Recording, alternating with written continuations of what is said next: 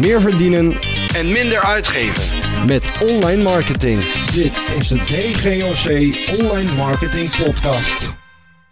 Hey, hallo, daar zijn we weer eens met aflevering nummer 131 van de DGOC Online Marketing uh, Podcast.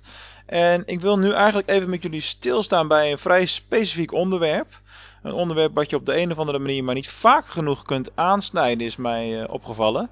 Namelijk advertentieplanning binnen Google AdWords.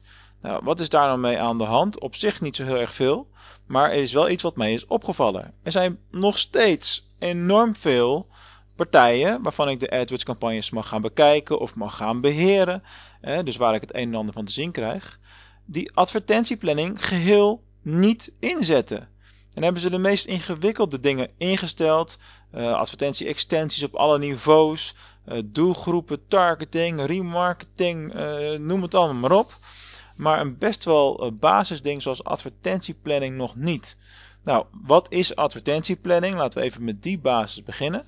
Door advertentieplanning in te zetten binnen Google AdWords ben je in staat om je advertenties op bepaalde dagen en op bepaalde tijden wel of niet te laten zien. Dat betekent concreet dat als jij uh, geanalyseerd hebt, want dat kun je dan in Google Analytics weer doen en tegenwoordig ook in Google AdWords zelf, dat je koperspubliek bijvoorbeeld nooit koopt tussen 12 uur s avonds en 6 uur s morgens. Die kans is best groot, toch? Nou, je zult zien dat als je naar die resultaten gaat kijken binnen jouw eigen campagnes, dat de kans uh, best groot is dat je in die tijdstippen wel klikken krijgt, maar dat je dus nooit wat verkoopt. Nou, dan is het best wel logisch om die tijdsblokken uit te sluiten. Uh, waardoor er dus geen vertoningen meer plaatsvinden op dat tijdstippen van jouw advertenties en je dus gewoon simpelweg geld gaat besparen. Over het motto meer verdienen en minder uitgeven met online marketing gesproken. Dat is nou een goed voorbeeld in de praktijk. Dus wees eens kritisch op uh, hoe je in Google AdWords met advertentieplanning omgaat. Doe je het überhaupt wel? Ga er eens induiken, kijk ernaar. En zorg ervoor dat je op dat soort manieren geld kunt besparen. Nou, dan heb ik het nu even specifiek over hè, tijdstippen uh, op elke dag. Maar je kunt daar ook natuurlijk goed zien of jouw koperspubliek bijvoorbeeld op dinsdag en donderdag bovengemiddeld vaak iets koopt tussen 4 en 6. Of juist tussen 8 uur en 11 uur s avonds. Of dat jouw koperspubliek uh, op zondag nooit iets koopt, omdat je over het algemeen gelovige kopers hebt, bijvoorbeeld. Nou, dat zijn allemaal factoren waar je actie op kan ondernemen. Uh, de, specifieke tijdstippen is een interessante. Laten we even één voorbeeldje pakken. Stel je hebt een, uh, een webwinkel en jij verkoopt producten. En jouw koperspubliek koopt wel eens tussen 10 uur en, s en 2 uur s middags.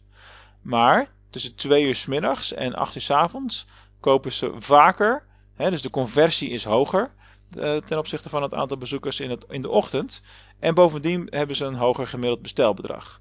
Dat betekent in essentie dat jouw bezoekers tussen 2 uur s middags en 8 uur s avonds uh, meer geld waard zijn dan die bezoekers tussen 10 uur s morgens en 2 uur s middags.